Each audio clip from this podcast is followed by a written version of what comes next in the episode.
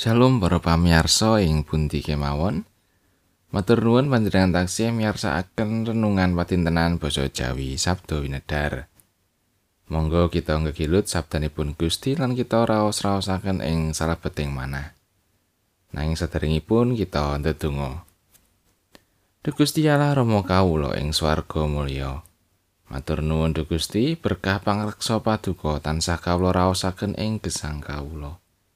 Wekdal menika kawula nyawisaken manah kawula saperlu badhe nampi pangandika paduka.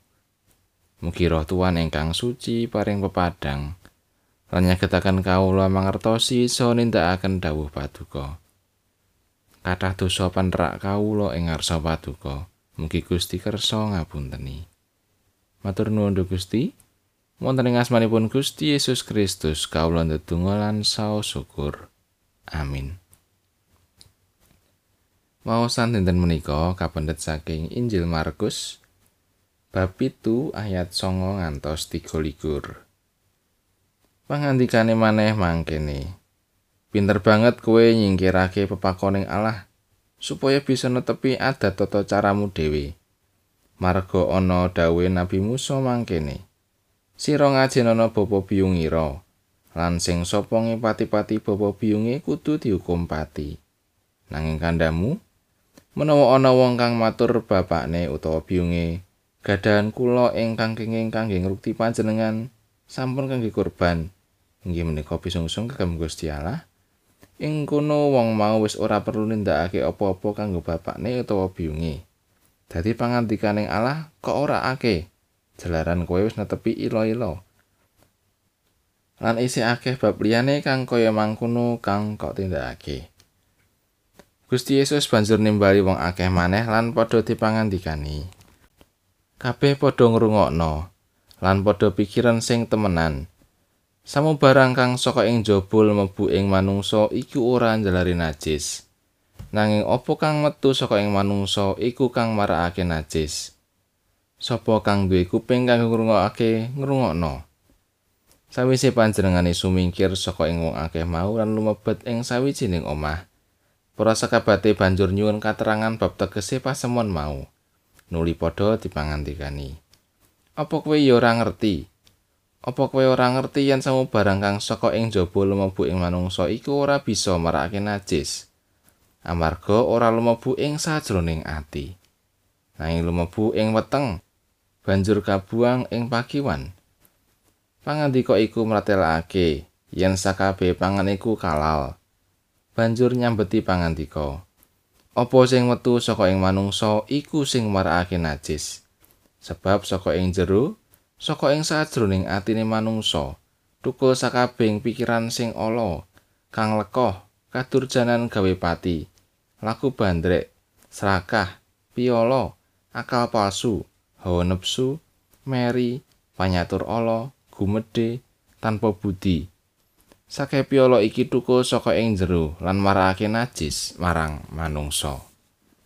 Mangkatan pangandikanipun Gusti ayat nasengi ayat kang salawelas. Samu barang kang saka ing jaba lumebu ing manungsa iku ora njelari najis. Nanging apa kang metu saka ing manungsa iku kang narakake najis. Menapa panjenengan ate merangguli setunggaling tiang ingkang nedha sega diwul lajeng dados piantun ingkang wengis? Kados-kados kok dereng wonten pawartos ingkang kados mekaten. Mila leres. Bilih tetedan ingkang sami dipun tedha menika mboten saged ndadosaken tiyang ingkang suwau sae lajeng malik dados awon. Mboten wonten ing tiyang ingkang suwau mbangun miturut dumateng Gusti sareng nedha sega diwul lajeng blasar. Menapa ingkang dipun ucalaken Sang Kristus dumateng kita wonten ing Markus 7 bab 18 lan 19. Mratelaken Bilih samu barang ingkang lumebet ing manungsa mboten ndadosaken najis. Awit namung lumebet wonten ing padaran sanes ing manah. Malah sabibaripun menika bakal kabucal malih wonten ing pakiwan. Bilih ingkang ndadosaken najis menika ingkang medal saking manungsa. Inggih menika sedaya ingkang medal saking sajroning manah. Ingkang tukul saking sakabehing pikiran ingkang awon. Kados dene ingkang dipun pangandikaken ing ayat kalih dosa ngantos tiga likur. apa sing metu saka ing manungsa iku sing marakake najis sebab saka ing jero saka ing sadroning atine manungsa tuku sakabehing pikiran ala kang lekoh kadurjanan gawe pati lagu bandrek serakah piolo akal palsu hawa nepsu meri panyatur ala gumedhe tanpa budi awit saking menika sumangga sami jinggengi lampahing gesang kita. Dipun ati-ati ateges dipun galih. Sami resik supados menapa ingkang kalairaken menika mboten nyilakani tumraping sesami. Menika najis. Kita mbetahaken sang suci. Inggih menika Gusti Yesus Kristus. Namung ing Sang Kristus kita uwal saking kanajisan. Amin